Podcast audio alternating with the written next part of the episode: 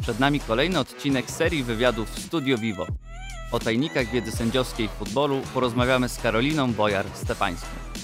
Wywiad prezentuje Vivo, oficjalny smartfon Euro 2020. Witam serdecznie w kolejnym odcinku serii podcastów Studio Vivo. Dzisiaj moim gościem będzie osoba, której autorytet potrafi studzić najbardziej wybuchowe głowy na piłkarskiej murawie. Kobieta z gwizdkiem Karolina Bojar-Stefańska. Dzień dobry, witam serdecznie. Cześć. Proszę Dzień uprzejmie. Dzień dobry. Dzień dobry. Dziękuję. Dziękuję, że znalazłaś dla nas czas. Ja również bardzo dziękuję za zaproszenie. Karolina, jak sugeruje nasz skromny e, background, rozpoczyna się wielki turniej Euro 2020, rozgrywany w roku 2021 z powodu sytuacji pandemicznej. I zanim e, piłkarze wybiegną na boisko, chcielibyśmy się dowiedzieć coś o naszych gościach specjalnych. Czy Karolina Bojar-Stefańska ma swoją historię piłkarską jako zawodnik, zawodniczka? Mam, ale nie w dyscyplinie piłki nożnej, więc to może być troszkę zaskakujące. E, Byłam lekkoatletką, biegaczką. E, Sport towarzyszył mi od małego. Tańczyłam, tak jak mówię, uprawiałam lekkoatletykę, nawet z moimi sukcesami, bo byłam mistrz, mistrzynią Małopolski juniorek na 3000 metrów. To więc są generalnie potężne sukcesy. To jest tak. tuż pod Igrzyskami Olimpijskimi, więc naprawdę nie twierdziłbym, że to mały Natomiast wypracowałam e, wydolność, która teraz przydaje mi się w pracy. E, teraz tak naprawdę ta moja praca e, nastoletnia owocuje na boisku. E, decyzję o zapisaniu się na kurs podjęłam bardzo spontanicznie, bo ja lubię takie spontaniczne, odważne decyzje. E, po prostu dowiedziałam się, że kurs startuje, że szukają kandydatów na sędziów piłkarskich. E, Ja mam tradycje sportowe w rodzinie, ponieważ mój dziadzio był sędzią piłkarskim, moja mama była lekkoatletką. No i stwierdziłam, dobra, w sumie spróbuję, dlaczego nie? Akurat zakończyłam karierę lekkoatletyczną, ponieważ miałam kontuzję przeciążeniową i stwierdziłam, że warto spróbować, bo bez sportu nie wyobrażam sobie życia. No i w ten sposób zapisałam się na kurs. Szczerze mówiąc, nie sądziłam, że zostanę w tym zawodzie. Raczej myślałam, że będzie to taka przygoda, którą potem będę mogła wspominać ze znajomymi, a okazało się inaczej. To znaczy, od samego początku mocno się wkręciłam. Początki były bardzo trudne. I myślę, że tutaj nie ma co ubarwiać rzeczywistości. Początki sędziego piłkarskiego są turbo ciężkie, dlatego że zmierzasz się z czymś e, zupełnie nieoczekiwanym, nawet dla byłych piłkarzy czy osób, które e, zjadły zęby tak naprawdę na tej dyscyplinie sportu, ponieważ biegając po boisku z gwizdkiem, nie, wystarczą, nie wystarczy znajomość przepisów gry, nie wystarczy czucie tej gry. Ty musisz wiedzieć, jak ma zachowywać się sędzia, a to wypracowuje się latami biegając z gwizdkiem po murawie. Więc y, początki są trudne, ale jednocześnie daje to wszystko taką satysfakcję, że myślę, że e, no, warto się rozwijać, e, warto inwestować czas e, w, ten rozwój, e, no bo to później przynosi olbrzymią satysfakcję.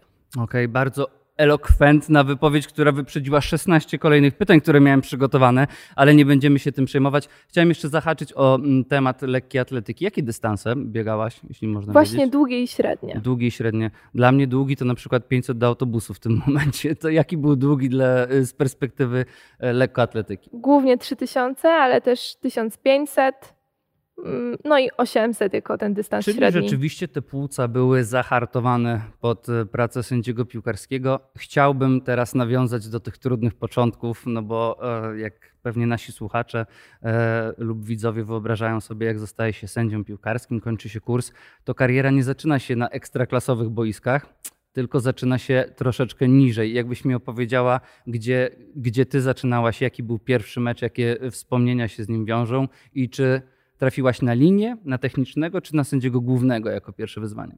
Myślę, że moja droga rozwoju była bardzo standardowa, tak jak zazwyczaj ona przebiega. To znaczy, e, kończy się kurs sędziowski, podczas którego uczymy się oczywiście przepisów gry. To jest e, absolutna podstawa oczywiście w tej pracy. E, poza tym staramy się już powoli interpretować sytuację i to już jest troszkę trudniejsze, bo okej, otwierasz książkę, czytasz, uczysz się, Piękne przyswa- grafiki. przyswajasz rysunki. e, wiadomości, a później dostajesz klip, jakąś sytuację i musisz ją ocenić. E, I tutaj już e, musisz wykazać się taką zdolnością właśnie przełożenia tej wiedzy na realia jeszcze z taką nakładką e, czucia gry i oczekiwań świata futbolu, mówiąc oględnie. E, no i właśnie takie klipy ocenialiśmy. Gdzieś tam słyszeliśmy, jakie są modelowe, wzorcowe decyzje. E, tutaj powinno dać się kartkę, tutaj należy się napomnienie, tutaj wykluczenie, rzut, bezpo, rzut wolny bezpośredni i tak dalej. To są takie e, generalnie w, w, procesie nauki e, wycinane są bardzo krótkie klatki, które zawierają tylko jedną sytuację i właśnie odpowiedzią jest to, jak powinien zachować się sędzia, jaką decyzję podjąć, czyli na przykład rzut wolny bezpośredni z żółtą kartką. E, więc generalnie wracając do głównego wątku, e, na kursie uczymy się oceniać sytuację, uczymy się przepisów gry, też przygotowujemy się, wiadomo, fizycznie tak do pracy, e, co co tak naprawdę jest zwieńczone egzaminem takim fizycznym, polegającym na przebiegnięciu interwałów. E, I tak naprawdę to weryfikuje, czy jesteśmy odpowiednio przygotowani właśnie motorycznie Proszę do... powiedzieć więcej o tych interwałach. Chciałbym wiedzieć, czy na przykład ja dzisiaj Myślę, że dałbyś radę, ponieważ. Okay, to bardzo e, optymistyczne podejście. Może nie, wyglądam i... dobrze, ale mam zadyszkę, jak chodzę po schodach. Na pewno jest tak, że te wymagania rosną wraz z awansami, tak wraz z ligami, które się sędziuje. Na samym początku nie są one bardzo wygórowane. E, to też zmienia się na przestrzeni lat, więc nie wiem, jak jest obecnie. Natomiast e, to są takie egzaminy, które wysportowany człowiek powinien spokojnie zdać, oczywiście z odpowiednim przygotowaniem do nich. Ale tak naprawdę ten cały kurs, te egzaminy, zarówno sprawnościowe, jak i teoretyczne, bo z przepisów gry również piszemy egzamin na końcu kursu, e, to jest tylko początek, bo potem weryfikujecie boisko. To znaczy, musi być kiedyś ten pierwszy mecz. Nie da się wprowadzić sędziego w sposób taki bardzo delikatny, tak, Jak żeby sobie najpierw na ostatnie 15 minut. Tak, żeby sobie najpierw poobserwował, może podjął na przykład tylko dwie decyzje w meczu. Nie, po prostu musisz wyjść w końcu na boisko i być sędzią. Oczywiście na początku jesteś asystentem. E, powiedzmy, że to jest Czyli zaczyna się zawsze forma... od linii, tak? Tak, tak. To jest taka modelowa ścieżka. Czyli dostajesz do ręki chorągiewkę, wychodzisz na boisko i masz być sędzią asystentem. E, I to jest bardzo trudne, za pierwszym razem. E, ja nie wiedziałam, która ręka jest prawa, która jest lewa. Musiałam podjąć jednocześnie e, pięć decyzji i jeszcze zwracać uwagę na to, co komunikuje mi sędzia główny i czego chcieliby zawodnicy. Więc e, mimo tego, że uważam się za osobę, która jako może też kobieta ma możliwość skupienia się równocześnie na kilku czynnościach i kilku, kilku tematach, no to nie ukrywam, że to było bardzo trudne zadanie na samym początku. Natomiast no, z meczu na mecz y, gdzieś tam te pewne automatyzmy się pojawiały. To jest trochę tak jak y, z nauką y, prowadzenia samochodu, lubię to porównywać, dlatego że jak uczysz się jeździć, to na początku widzisz tylko pas, którym jedziesz. Problem jest ze zmianą tego pasa, tak jakby nie wiesz, która noga jest lewa, która prawa, a po pięciu latach, jak już jedziesz samochodem, to w zasadzie robisz wszystko automatycznie. I tak samo jest na boisku. Na samym początku idzie to bardzo tak topornie, tak? Musisz pomyśleć, że jak wykopią białe, biali, to muszę pokazać w prawo. Jak wykopią czarni, to pokazuję w lewo. E, każda decyzja jest poprzedzona jakimś tam procesem myślowym, natomiast po paru latach na boisku to już jest e, automatyzm i dzięki temu e, decyzję podejmujesz właśnie w taki sposób bardzo lekki, wręcz może częściowo podświadomy i dzięki temu na przykład możesz zarządzać, tak? Czyli jednocześnie obserwować sobie, kto mi tam krzyczy, kto mi przeszkadza, z kim warto porozmawiać, kto uporczywie fauluje. Zrobił to już na przykład trzy razy, więc za czwartym warto y, udzielić jakieś y, reprymendy, czy nawet może napomnienia. Już takie rzeczy wyłapujesz tak po latach, więc y, tak naprawdę na tym polega rozwój sędziowski i sama po sobie widzę, że widzę na tym boisku coraz więcej po prostu. Okej, okay, to ch chciałem właśnie zadać to pytanie, bo pamiętam jak rozpoczynałem dyscyplinę futbolu amerykańskiego jako zawodnik. Wszystko działo się tak szybko, nie byłem w stanie nawet pamiętać zagrywek, tego jak mam pobiec, dokąd mam zmierzać, a po latach to wszystko wyglądało jakby zwolniło i człowiek dostrzega dużo więcej rzeczy na boisku i może wreszcie wreszcie cieszyć się tą grą. Rozumiem, że z sędziowaniem jest podobnie. Możesz się skupić na detalach, bo te podstawowe rzeczy już wychodzą z automatu, tak? Zdecydowanie tak. E, jak zaczynałam sędziować, to zawsze imponowało mi to, że sędzia, e, który jest na środku z gwizdkiem, sędzia główny, wie, kto do niego krzyczy. To było dla mnie niesamowite, bo e, jest obrócony tyłem do danego zawodnika, patrzy na coś innego, podejmuje jakąś decyzję, a jednocześnie słysząc jakieś bluzgi z tyłu, obraca się, wyłapuje konkretnego gościa i mówi numer 6, zapraszam, żółta kartka. Jak echolokalizacją nie toperze. Tak, dla mnie to było niesamowite i przekraczało jakieś tam moje w ogóle wyobrażenia na temat mojej pracy na, na środku e, jako sędzia główna.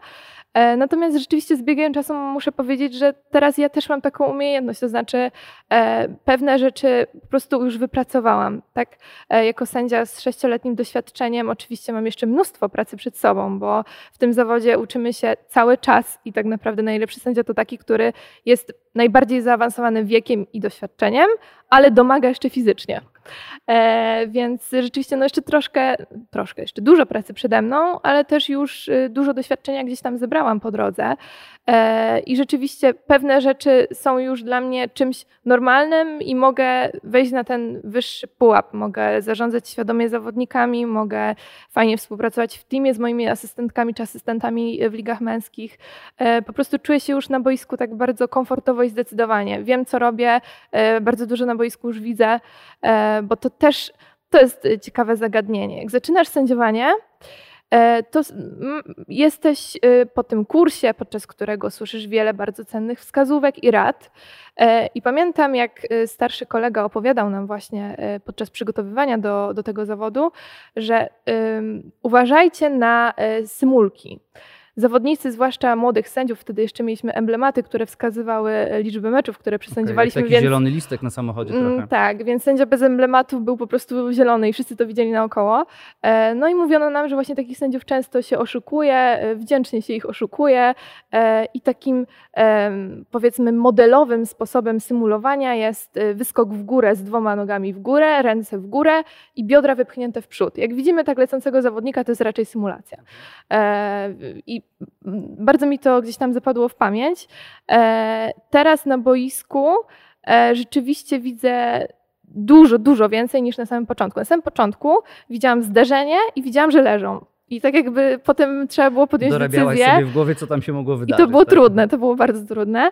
E, a teraz y, widzę zdarzenia, zanim się wydarzą. To znaczy widzę, że na przykład piłka jest y, bez, poza kontrolą to znaczy żaden zawodnik nie ma nad nią kontrolą, jest taka bezpańska i widzę, że takie dwa pociągi, e, mówi się w żargonie sędziowskim, jadą z naprzeciwka i to już jest dla mnie czerwona lampka w głowie, że tutaj będzie potencjalne napomnienie, potencjalna żółta kartka, bo najprawdopodobniej jeden będzie spóźniony i najprawdopodobniej tak zagranie rozważnie. zbiera się do ślizgu e, w pogoni za na przykład napastnikiem, kiedy jest ostatnim obrońcą, no to, tak. takie rzeczy już pewnie wychwytujesz, tak jak wspomniałaś, zanim się wydarzą na boisku. Dokładnie tak. E, myślę, że też dla młodego sędziego bardzo trudne jest wychwytywanie sytuacji, znowu posłużę się takim wyrażeniem żargonowym doxospa, czyli przerwanie korzystnej e, akcji lub pozbawienie realnej szansy na zdobycie bramki. Za pozbawienie realnej szansy jest czerwona kartka, za przerwanie korzystnej akcji żółta kartka. To są takie faule, nazwijmy to taktyczne.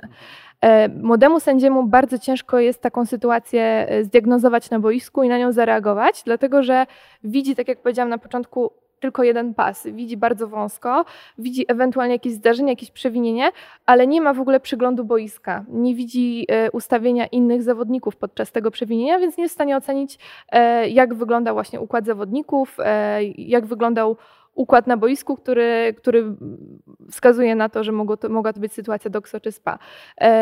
Kiedy sędziujesz już parę lat, no to w momencie faulu nie dość, że widzisz przewinienie i musisz podjąć prawidłową decyzję, prawidłowo w ogóle zarządzić zawodnikami, tak? Czyli e, popatrzeć, czy tutaj nie będzie na przykład chęci odwetu, czy trzeba szybko wjechać z kartką, z gwizdkiem, czy można sobie pozwolić na późniejsze pokazanie kartki, e, wznowienie gry spokojnie na gwizdek.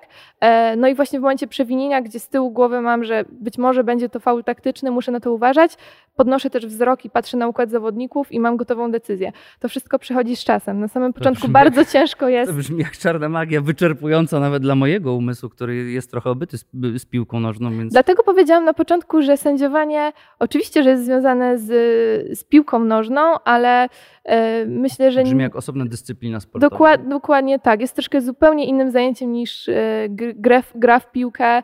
E, już nie mówię tutaj o oglądaniu tak, piłki nożnej z pozycji Wtedy fotela. Wszyscy jesteśmy ekspertami, sędziami i zawodnikami w jednym, prawda? Chciałbym, żebyśmy wrócili pamięcią pierwszy mecz, kiedy masz gwizdek w ręku i jesteś sędzią na środku boiska. Jaka to była, e, jakie, jakie emocje temu towarzyszyły, który to był poziom rozgrywek i Czy pamiętasz coś z tego, czy to jest po prostu taki czarny miszmasz, który gdzieś tam się wydarzył i z opowieści wiesz, jak ci poszło? Pamiętam bardzo dobrze. Mm, boisko u stóp Wawelu, bo zaczynałam sędziowanie w Krakowie, więc piękna lokalizacja. E, mecz trampkarzy, e, więc to też jest e, taki, myślę, że naturalny kolejny krok w rozwoju arbitra. Na początku jest się sędzią asystentem, później dostaje się gwizdek właśnie na rozgrywkach gdzieś tam trampkarzy, może nawet młodzików i później sukcesywnie coraz starsze, coraz starszą młodzież się sędziuje, aż w końcu dochodzi się e, poprzez awans do B-klasy. Okay. E, także e, awansem, jak ktoś no, jest to awans, bo musisz być lepszy niż koledzy, no którzy no tak. z tobą rywalizują, a ja Ale musiałam to być ryzyko lepsza. utraty życia rośnie wprost proporcjonalnie, bo każdy, kto sędziował mecz B lub A-klasowy wie, że sędzia gra tam o życie, więc to tak, najwyższe, yy, najwyższe To są bardzo niewdzięczne mecze do sędziowania. Jako kobieta musiałam też rywalizować z chłopakami. Tak nie miałam żadnej taryfy ulgowej. Po prostu wszyscy jesteśmy sędziami i wszyscy rywalizujemy ze sobą na boisku. Dlatego tak ważne było to przygotowanie fizyczne, bo dzięki temu się wyróżniałam w tym towarzystwie, na, oczywiście na plus, a nie tylko gdzieś tam goniłam to, żeby y, dorównać y, chłopakom podczas chociażby egzaminów sprawnościowych. Natomiast wracając do mojego pierwszego meczu, bo to jest, to jest ciekawa historia. To byli trampkarze. Nie miałam asystentów, ponieważ e, na takie mecze no, wysyła się tylko jednego sędziego, ale boisko było już pełnowymiarowe. E, I to było naprawdę trudne, e, żeby dobrze ocenić wszystkie sytuacje. Intuicyjne wychwytywanie spalonych. E, no myślę, że moja intuicja sędziowska jeszcze była w powijakach w tamtym momencie, więc ewidentnie podczas tego meczu no, pomyliłam się myślę nie jeden raz w kierunku wrzutu, czy, czy w sytuacji rzut od bramki, czy rzut rożny. Swoją drogą, jak nie wiemy, to zawsze tutaj bezpieczna sytuacja, bezpieczna decyzja, czyli rzut od bramki takie decyzje podejmowałam. Myślę, że nie jeden raz się pomyliłam. E, natomiast e, pod koniec meczu miała miejsce sytuacja, którą bardzo dobrze pamiętam do dzisiaj. To znaczy, e, gwiznęłam karnego, bardzo wyraźnego na moje szczęście. To znaczy, chłopaki na boisku wszyscy go widzieli, nawet nie miałam zbyt dużych protestów, ponieważ było to takie odepchnięcie bardzo wyraźne. Natomiast na boisko wbiegł trener, przeciwko któremu tego karnego gwiznęłam. Oczywiście ja wcześniej ani nie podejmowałam żadnych prewencyjnych działań wobec niego, po prostu byłam na pierwszym meczu i chciałam przeżyć, tak, tak jakby... Czekałaś 90 Tak, minut. dokładnie. Też nie do końca wiedziałam, jak w takich sytuacjach mogę, czy powinnam się zachować. No i ten trener sobie tam trochę używał na ławce i, i mówił różne niecenzuralne rzeczy. Przypominam, że to jest poziom trampkarzy, tak, czyli miał pod opieką no, chłopaków na nastoletnich, e, wbiegł na boisko.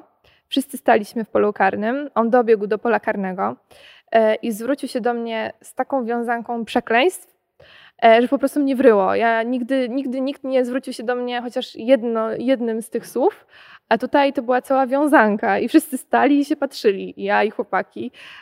drugi trener, w końcu taki mocno zniesmaczony, wszedł na boisko i powiedział, że w ogóle no, to nie powinno mieć miejsca, proszę zejść z boiska. E, po meczu, na szczęście, miałam takie szczęście, że na trybunach był obserwator. Akurat y, nie był delegowany na mój mecz, miał mecz po mnie, ale przyszedł sobie zobaczyć, jak tam sobie radzę. E, więc mocno mnie wsparł po całej sytuacji po meczu. Opisałam y, zdarzenie w protokole sędziowskim.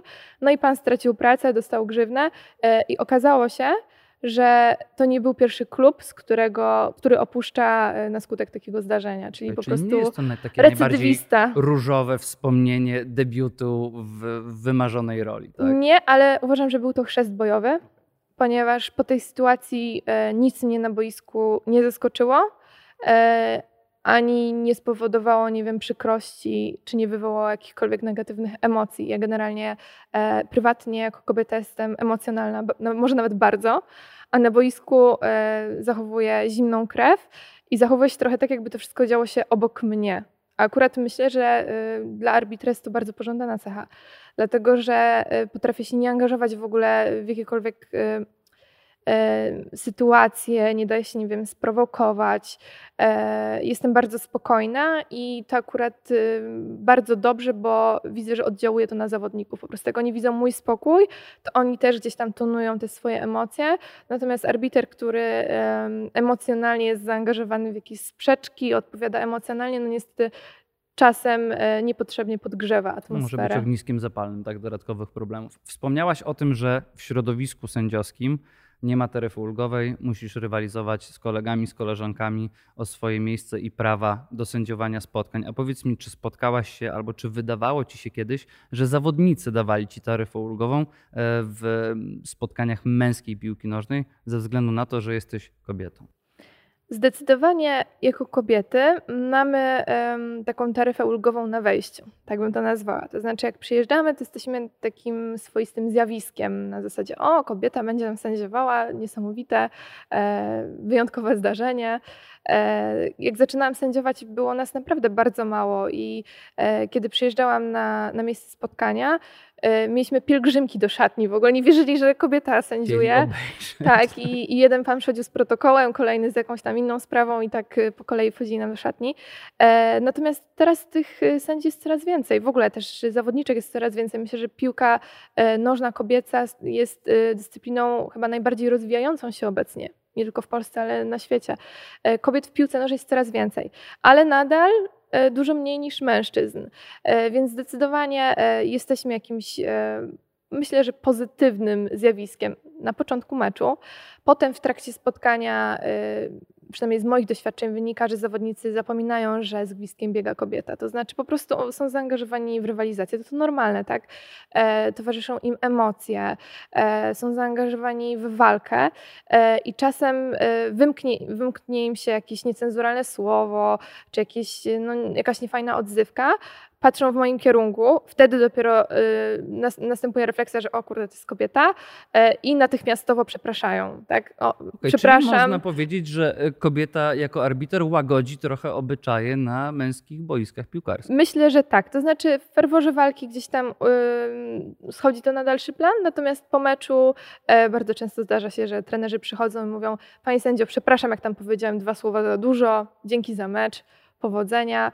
E, to moim zdaniem większość spotkań powinna być obsadzana e, kobiety, kobiecymi obsadzami, e, obsadami, wtedy mielibyśmy dużo spokojniejsze mecze piłkarskie na wszystkich poziomach rozgrywek. Oczywiście razie. teraz tutaj posługujemy się jakimś tam stereotypem, natomiast uważam, że no, zdecydowanie w naszej kulturze jednak kobieta jest darzona szacunkiem i ciężej jest y, używać wulgaryzmów wobec kobiety niż wobec mężczyzny. Więc uważam, że tak. Że, A jak to było na przykład spokojnie. na meczach z kibicami? Bo jak wiadomo, kiedy kibice wywołują w trakcie meczu sędziego, to zazwyczaj są to rytmiczne przyśpiewki, ale nie są to pieśni chwalebne, prawda? Więc jeśli kibice wspominają sędziego podczas oglądania meczu, to znaczy, że zazwyczaj są niezadowoleni bądź sfrustrowani z pracy, którą ta osoba wykonuje. Czy zdarzyło ci się usłyszeć takie niezadowolenie ze strony kibiców? Oczywiście, że tak. E, słyszałam zarówno jakieś tam e, negatywne słowa i sformułowania, jak i pozytywne.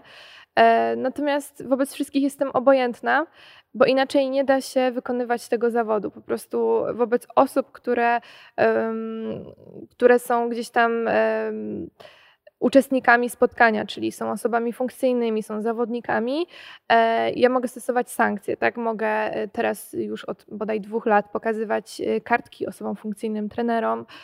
Zawodnicy, wiadomo, też pozostają pod pod, pod, moją, że tak powiem, e, sędziowską władzą. Natomiast kibice e, są totalnie obok. E, nie mam podczas meczu żadnych narzędzi, które pozwoliłyby na, nie wiem, zamknięcie im ust czy usunięcie ich z trybuny. Więc po prostu jedynym wyjściem jest niesłuchanie tego, y, co, co dobiega Przyjęcie z trybun. tego, że są częścią tego sportu. Tak, tak, niestety powracając do tematu y, niższych lig, y, na B-klasie jest to dużo trudniejsze niż na ekstraklasie, dlatego że jak masz pełny stadion, to wszystko zlewa się tak, że nie słyszysz nic. Słyszysz tylko, mm, nie wiem, swój team sędziowski na, na, na zestawie, poprzez który się komunikujemy, słyszysz zawodników, z którymi rozmawiasz, natomiast trybuny są po prostu jednym wielkim szumem. A na B-klasie, jak taki pan z browarem siedzi, Słychać każdy jeden komentarz. Słychać każde jedno słowo e, i przez 90 minut potrafi to być bardzo męczące. Jasne, wiem, sam gram w B-klasie, teraz A-klasie, więc wiem dokładnie, jaka atmosfera tam panuje. Pamiętam, że szedłem, e, przechodziłem z futbolu amerykańskiego do B-klasy i miałem takie założenie, że to jest takie kółko emeryckie, że będę tam sobie dogorywał do szczęśliwej piłkarskiej emerytury i byłem zszokowany jako zawodnik, co tam się dzieje i jak ludzie się do siebie zwracają, więc nie wyobrażam sobie nawet, jaka jest to presja, kiedy jest się w obsadzie sędziowskiej, niezależnie od tego, czy jest się mężczyzną czy kobietą, ze względu na to, że sędziowie tam słyszą naprawdę dużo nieciekawych rzeczy. Tak, no to jest w pewien sposób niestety wpisane w naszą profesję. E, zostając sędzią, e, wiedziałam, że arbiter jest specyficznie traktowany. Oczywiście ja mogę się z tym nie zgadzać, ale no realia są jakie są e, i nie byłam naiwna, decydując się na, zapi na zapis na kurs sędziowski. Wiedziałam, z czym to się wiąże, wiedziałam, że ta praca ma swoje olbrzymie zalety, ale ma też i wady. I gdzieś tam to zmierzenie się z, z hejtem, e, z wulgaryzmami, e, z taką może nienawiścią bym to powiedziała, bo w normalnym życiu e, nie mam styczności z taką nienawiścią. Na boisku tak, po prostu ktoś mnie nienawidzi, tak jakbym zrobiła mu jakąś straszną krzywdę. Celowo, oczywiście, tak. I po prostu gdzieś trzeba to wliczyć w koszty tego zawodu, po prostu trzeba zdawać sobie sprawę z tego, że nie zwraca się personalnie do mnie, do, do Karoliny, tylko mówi do sędziego, bo niestety taka jest moja rola na boisku, że dużo y, na mnie spada, tak? Więc e, gdzieś ta agresja, gdzieś ta nienawiść po prostu jest wymierzona w kierunku arbitra, a nie w moim kierunku, dlatego może nie odbieram tego tak personalnie i e, pozwala mi to y, zachowywać zimną krew i zarządzać zdarzeniami e, wręcz z perspektywy osoby trzeciej, a nie, nie wiem, obrażanej czy, czy będącej stroną w jakimkolwiek Wspomniałaś też o dynamicznym rozwoju e, kobiecej piłki nożnej w Polsce. Myślę, że jest to, to spowodowane sukcesami tej młodzieżowej drużyny, która kilka lat temu sięgała po medale na Mistrzostwach Europy. Powiedz mi, emocje panujące na kobiecej piłce nożnej i męskiej piłce nożnej, czy te emocje są podobne, one są takie same, czy może zauważyłaś, że inaczej zawodnicy przeżywają te mecze w stosunku do siebie albo do arbitra? Wiesz co, dużo osób zadaje mi pytanie y, właśnie o różnicę pomiędzy kobiecą y, i męską piłką nożną. Y, ja mogę posługiwać się moimi doświadczeniami. Jestem sędzią Ekstraligi, czyli najwyższej ligi kobiecej w Polsce i sędzią okręgówki, czyli piątej ligi męskiej. E, więc powiedzmy, że poziomy są no, znacznie różne, tak? dlatego że okręgówka jest gdzieś tam ligą amatorską, natomiast Ekstraliga to już miejsce, gdzie grają dziewczyny, które są często e, zawodniczkami sprowadzonymi nawet z zagranicy na, na kontraktach. Tak? Także tak, jest to w zasadzie taka semi-profesjonalna liga. I dzięki temu to podejście też jest y, różne, tak? Y, na plus dla piłki kobiecej, dlatego że y, widać, że dziewczyny podchodzą, oczywiście tutaj generalizuję, natomiast no muszę posłużyć się jakimś skrótem myślowym, podchodzą bardzo poważnie do tych rozgrywek, są dobrze do nich przygotowane, nie tylko fizycznie, bo były na treningu, ale też mentalnie widać, że są bardziej zżyte z drużyną, widać, że pracują na różnych, na różnych płaszczyznach.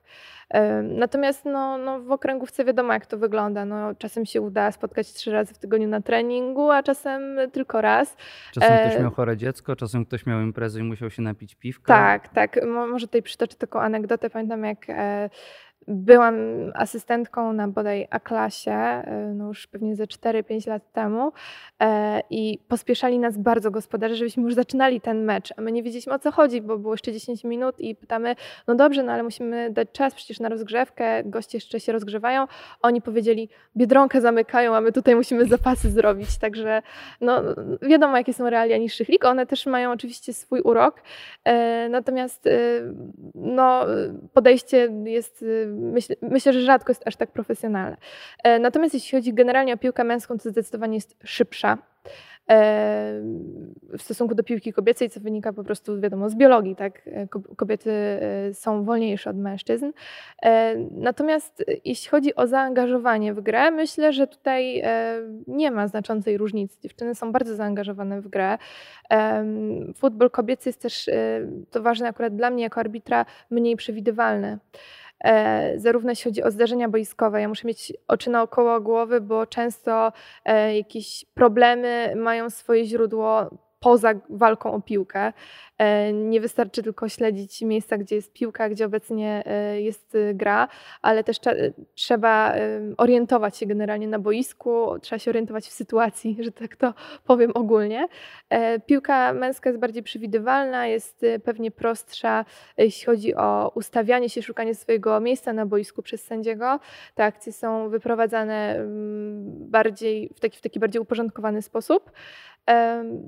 No myślę, że to są po prostu w pewien sposób y, dwie różne dyscypliny sportu. To znaczy, tak jak nie wiem, siatkówka męska i, i kobieca. Po prostu e, nie jestem w stanie powiedzieć, że którakolwiek z nich jest, nie wiem, trudniejsza czy łatwiejsza. Do sędziowania jest po prostu inna. To znaczy inne wyzwania stoją przed arbitrem, który prowadzi spotkanie piłki kobiecej, a inne przed arbitrem, który prowadzi e, mecz męski. Jasne. Ja w ogóle pamiętam e, takie dla mnie wielkie zdarzenie, kiedy e, uczyłem grać w piłkę nożną dzieciaki w Stanach Zjednoczonych i było to podczas kobiecego mundialu, e, gdzie Amerykanki dotarły do finału i grały z Japonkami. I pamiętam, że były to czasy, kiedy ta e, męska drużyna nie radziła sobie tak dobrze. I pierwszy raz w życiu, jako chłopak, e, który wychował się w Polsce i gdzieś tam miałem swoją ulubioną gwiazdę, chciałem być jak Ronaldinho, nie wyszło. Chciałem być jak Żurawski, nie wyszło. No trudno, zostałem jak Ufnal, e, wyszło jak wyszło, ale miałem te swoje autorytety sportowe i, i kimś, na kim chciałem się wzorować. I pierwszy raz w życiu spotkałem się na treningu chyba 12-letnich chłopaków, że oni chcieli być jak gwiazdy kobiecej reprezentacji piłki nożnej. Dla mnie to było takie mega uderzenie, ale też pokazało mi, że e, kiedy masz drużynę, która odnosi sukcesy, to nie jest ważne, czy to są mężczyźni, czy kobiety, tylko po prostu stajesz się takim sportowym autorytetem. I to było potężne zdarzenie w moim życiu sportowym, kiedy mali chłopcy powiedzieli, że chcą być jak Alex Morgan, jak Carly Lloyd. To było dla mnie niesamowite, bo nie, nie wiem, czy wiedzieli, że są tacy ludzie jak Ronaldinho, Zlatan Ibrahimowicz, ale to było takie bardzo patriotyczne, bo to były Amerykanki i one sobie radziły świetnie i wszyscy wtedy o tym mówili, więc to był taki piękny moment. Chciałbym teraz e, wrócić myślami do wielkiego wydarzenia Euro 2020. Właśnie z perspektywy sędziowskiej pierwszy raz mamy euro, gdzie będzie używany VAR. E, nie ma lepszej osoby w tym duecie, która mogłaby wyjaśnić, czym VAR jest, więc jakbyś mogła powiedzieć naszym widzom, przypomnieć może tym, którzy wiedzą, na czym ten system polega i dlaczego jest to taka przełomowa rewolucja. System VAR jest systemem wideoweryfikacji. E, może zacznę od początku w ogóle. Dlaczego się pojawił? E, często słyszę pytanie, czy on pomaga sędziom. E, ja wolę używać określenia, że on odpowiada na wymagania współczesnego futbolu i na to, jak współcześnie piłka jest pokazywana. Ponieważ mieliśmy bardzo duży dysonans pomiędzy tym, co widział sędzia na boisku, jakie miał narzędzia, pracując jako arbiter, a pomiędzy tym, co widział przysłowiowy Kowalski siedząc w fotelu przed telewizorem. Kowalski miał do dyspozycji powtórki w slow motion, e, miał bardzo wysokojakościowy obraz, e, miał możliwość zobaczenia jednej sytuacji parę razy z kilku kamer, natomiast sędzia widział oczywiście sytuację tylko raz, tylko z jednej perspektywy. Czasem miał pecha e, i dane zdarzenie przysłonił mu przebiegający zawodnik. No i mieliśmy sytuacje, które były takimi, można powiedzieć, skandalami. To znaczy, na przykład zdobywano E, bramki ręką e, i na przykład te bramki decydowały, nie wiem, o, o czymś ważnym, o awansie do wyższej ligi, czy, czy były nawet na dużych Bramki imprezach sportowych e, były takie sytuacje, tak? Więc VAR powstał po to, żeby wykluczyć takie skandale, ale nie wykluczy nigdy kontrowersji.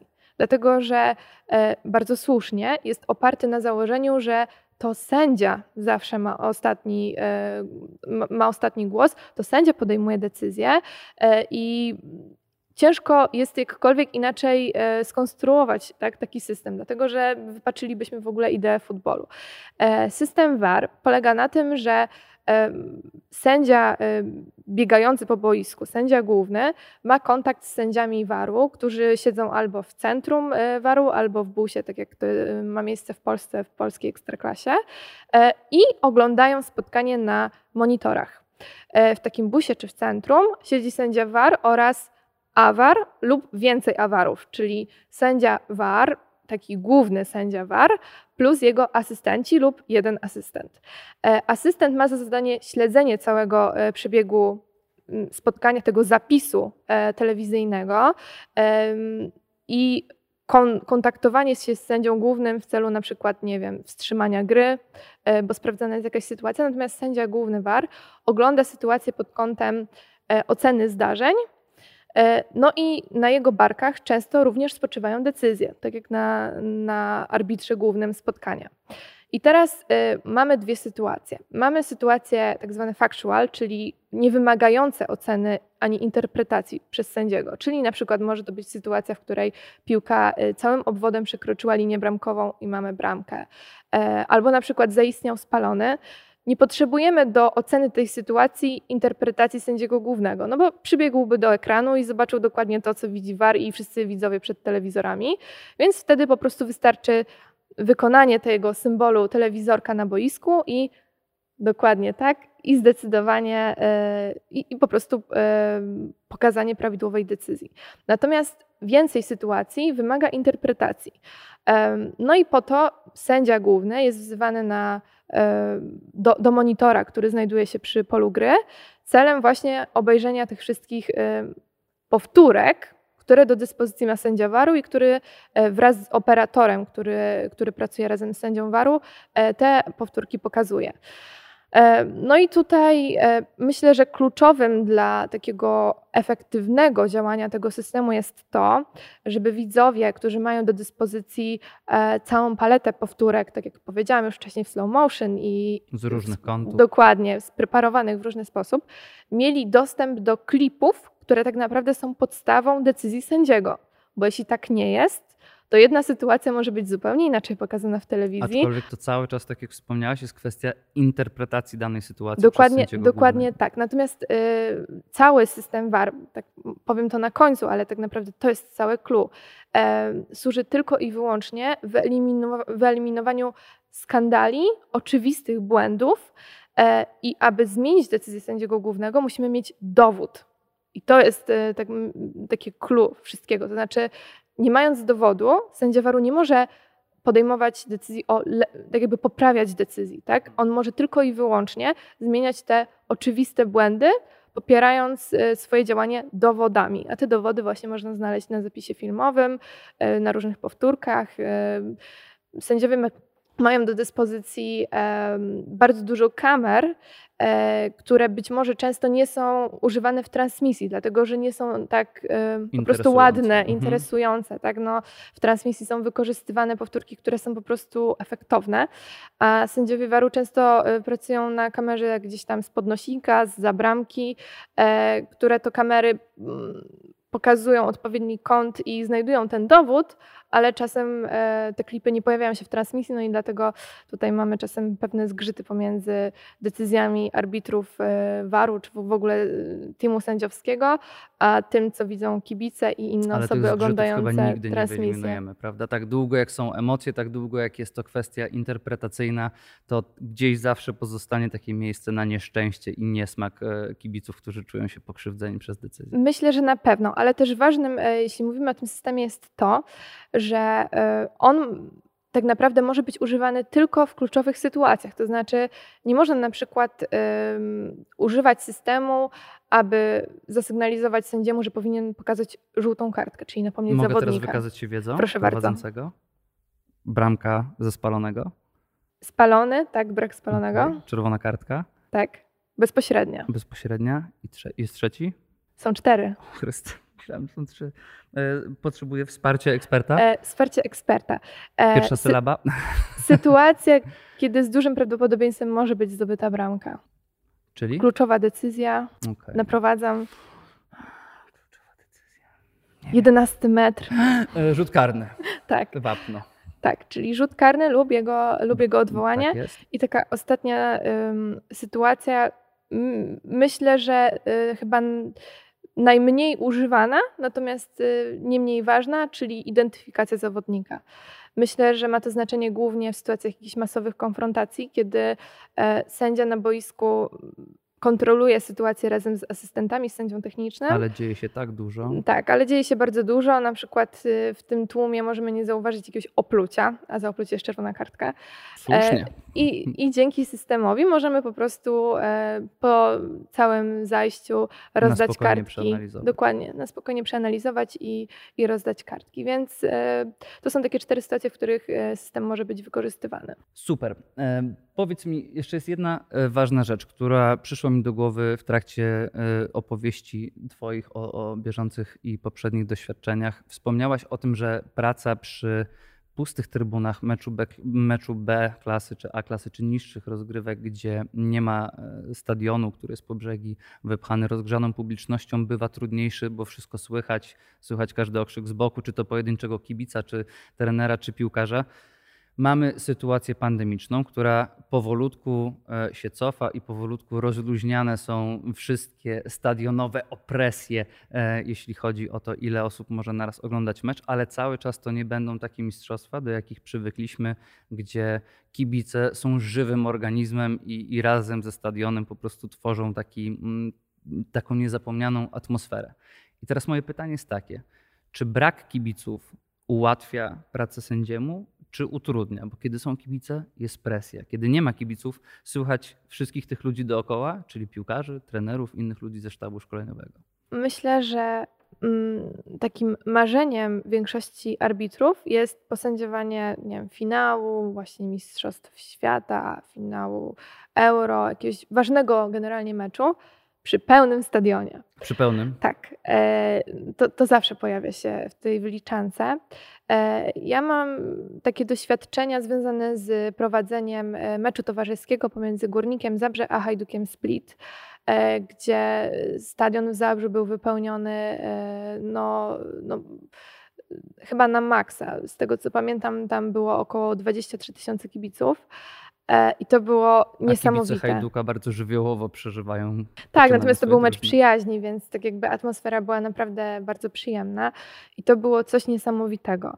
E, to znaczy te trybuny e, tylko gdzieś tam podkręcały pewnie adrenalinę, dawały takiego pozytywnego kopa motywacji, no i tworzyły ten niesamowity klimat, tą atmosferę wielkiego widowiska sportowego. A nie wywierały dodatkowej presji, kiedy mm, ja myślę, trybuny że... szaleją na krzyk, takie decyzje na krzyk tak zwane? Myślę, że e, sędzia jest wraz z jego rozwojem przygotowywany na to, że otacza go presja E, I te awanse z ligi do ligi właśnie służą temu, żeby stopniowo sędziować klubom, które mają coraz więcej kibiców, które są coraz bardziej aktywne w mediach, w mediach społecznościowych, w mediach lokalnych, później już w mediach ogólnopaństwowych, a na najwyższym poziomie można być zhejtowanym nawet przez y, największe państwowe dzienniki e, czy telewizję. Albo osobowość.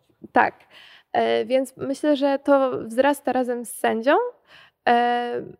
I kiedy już jesteś na takim poziomie, e, że jesteś delegowany na taki mecz, to z presją naprawdę radzisz sobie świetnie i po prostu cieszysz się tylko tym i nakręca cię pozytywnie to, e, jak wielu jest kibiców, e, jak świetna jest atmosfera na stadionie. Myślę, że to jest takie marzenie każdego arbitra. Czyli pozostając w nomenklaturze wirusowej, budujesz odporność na to, co dzieje się dookoła ciebie. Zdecydowanie tak. Dobrze. Karolina, wiemy już dużo o sędziowaniu, wiemy dużo o Twojej historii, wiemy też bardzo dużo technicznych aspektów, e, dowiedzieliśmy się dużo o technicznych aspektach sędziowania na euro. Czym zajmuje się Karolina Bojar-Stefańska na co dzień poza piłką nożną? Piłka nożna jest olbrzymią częścią mojego życia. Mój mąż e, też jest sędzią, jest sędzią zawodowym, sędzią międzynarodowym. Nie ukrywam, że mecze piłkarskie są u nas codziennie e, wieczorami e, albo oglądane, albo gdzieś tam e, stanowią tło Czy są wieczoru. różnice w interpretacjach różnych sytuacji? Są, są, natomiast ta rozmowa zawsze jest merytoryczna. Jeśli jest merytoryczna, to jest dobrze. Jest pełna kultura. Tak. Generalnie ja jestem e, studentką prawa, kończę już studia. Oprócz tego skończyłam też studia prawo własności intelektualnej i nowych mediów. E, zajmuję się e, prawem sportowym, to takie pewnie zaskoczenie. Natomiast tak, to jest moje zainteresowanie. Na ten temat piszę pracę magisterską i mam nadzieję, że w przyszłości będę mogła w tej branży pracować. Sędziowanie jest takim zajęciem weekendowym, ale też nie do końca, bo odkąd zaczęłam sędziować najwyższą ligę kobiecą w kraju, czyli Ekstraligę, zajmuje to troszkę więcej czasu, bo wymaga ode mnie robienia samooceny tak zwanej, czyli po meczu, nie wiem, dwa dni po meczu siadam i oglądam cały zapis filmowy, minuta po minucie i oceniam wszystkie ważniejsze decyzje moje. Powiem ci, że ilość tej merytorycznej wiedzy, którą przelałaś na nas w trakcie rozmowy, sprawia, że to brzmi jak troszeczkę więcej niż tylko weekendowe hobby. Tak, zdecydowanie, jeśli jesteś ambitny i chcesz się rozwijać, a chyba o to w tym chodzi, no to po prostu musisz zainwestować dużo czasu i pracy. Nie da się mieć e, czegoś za darmo. Trzeba na to pracować. Tak jak powiedziałam, chociażby ta sama ocena e, jest czymś, co kradnie mnóstwo czasu, dlatego że obejrzenie 90-minutowego spotkania e, w tempie żółwia, dlatego że musisz cofać, przewijać, tworzyć klipy, analizować sytuację klatka po klatce, pewnie potrafi pochłonąć około 5-6 godzin. Podczas takiej analizy zasięgasz czasami opinii męża? Tak.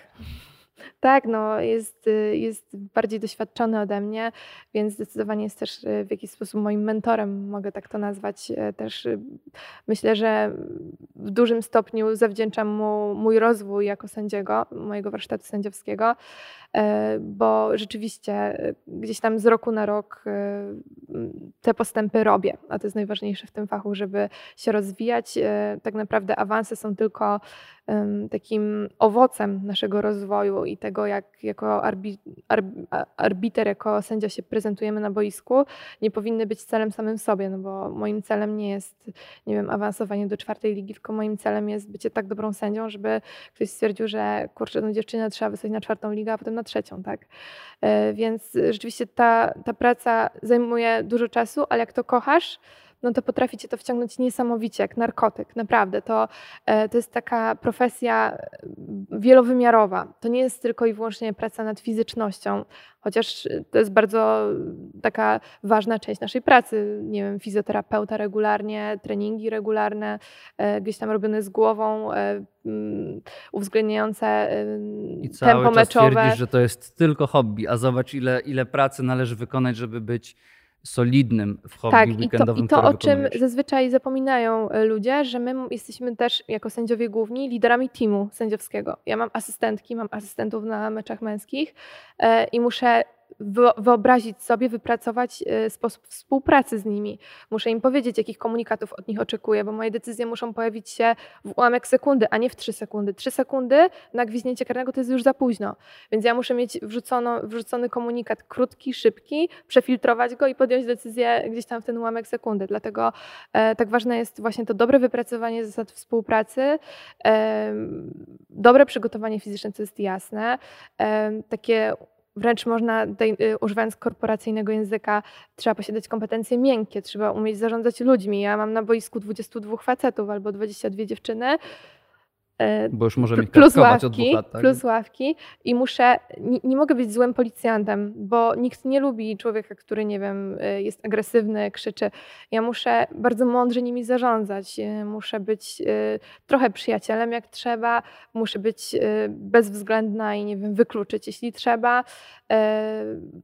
To jest bardzo ważna część mojej pracy i to wszystko spina się w klamrę tak którą można podsumować osobowość sędziego.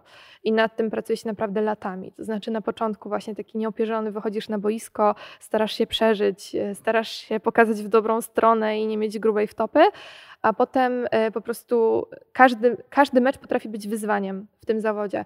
Po prostu stawiasz sobie coraz to nowe cele, e, coraz to nowsze cele, bardziej ambitne. E, na początku właśnie jesteś skupiony na tym, żeby te decyzje były dobre, a potem jak już decyzje są dobre, to skupiasz się na tym, żeby zarządzanie było fajne, żeby się fajnie poruszać na tym boisku, żeby pokazać swoje możliwości fizyczne i żeby na przykład w momentach, kiedy jest na ciebie skupiona kamera w tych meczach już telewizyjnych, wypracować świetną mowę ciała, tak? która, która przełoży się na to, że potem ktoś powie, o kurczę, to jest kawał sędziego, nie? Zobaczcie, jak on zarządza, zobaczcie, Jeszcze jaką on ma osobowość. Ciała. Powiem ci, że po prostu mój umysł zaraz eksploduje po tej dawce wiedzy, którą mm, przekazałaś Dlatego to potrafi tak studio. wciągnąć. Y, rozumiem już, dlaczego Musisz się rozwijać potrafi wciągnąć, ale też w myśl Maksymy wiem, że nic nie wiem. Byłem przekonany, że wiem troszeczkę o piłce nożnej i o sędziowaniu, a jestem bardzo, bardzo daleko w lesie, w związku z czym olbrzymi szacunek. Chciałem jeszcze nawiązać do mm, takiego wydarzenia z początku tego roku. Inna dyscyplina sportowa, futbol amerykański, Super Bowl, finał e, w tym roku. Miało miejsce historyczne wydarzenie. Kobieta była w obsadzie sędziowskiej wielkiego męskiego sportu e, w Stanach Zjednoczonych, no i jednego z największych wydarzeń sportowych co rok, ponieważ miliard ludzi plus śledzi e, ten mecz na, na, na całym świecie.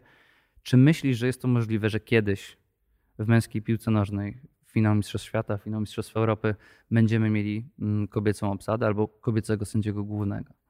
Wiesz, że gdybyśmy siedzieli tutaj 5 lat temu, to pewnie spytałbyś mnie, myślisz, że to możliwe, że kiedyś kobieta posądziła spotkanie Ligi Mistrzów? I bym powiedziała, no myślę, że tak, a teraz to już się stało. E, Stefani Frappar, francuska, e, posędziowała już Superpuchar e, Europy jako pierwsza kobieta. Posędziowała już spotkanie Ligi Mistrzów jako pierwsza kobieta. A teraz e, na dużą imprezę sportową, na Euro 2020, rozgrywany w 2021 roku, e, jedzie. To moje słowa. I, dokładnie tak. E, jedzie jako sędzia rezerwowa. Więc to jest olbrzymie wyróżnienie. Ona sobie zapracowała na to wszystko, ponieważ jest świetnie przygotowana fizycznie, a to jest tak naprawdę, myślę, taka, taki czynnik, który musi być u kobiety świetnie wypracowany, żeby mogła tak naprawdę rywalizować z mężczyznami. Dokładnie tak. Jeśli jest dobrze przygotowana fizycznie, no to dalej już tak naprawdę nic nie stoi na przeszkodzie, żeby była arbitrem na spotkaniach męskich.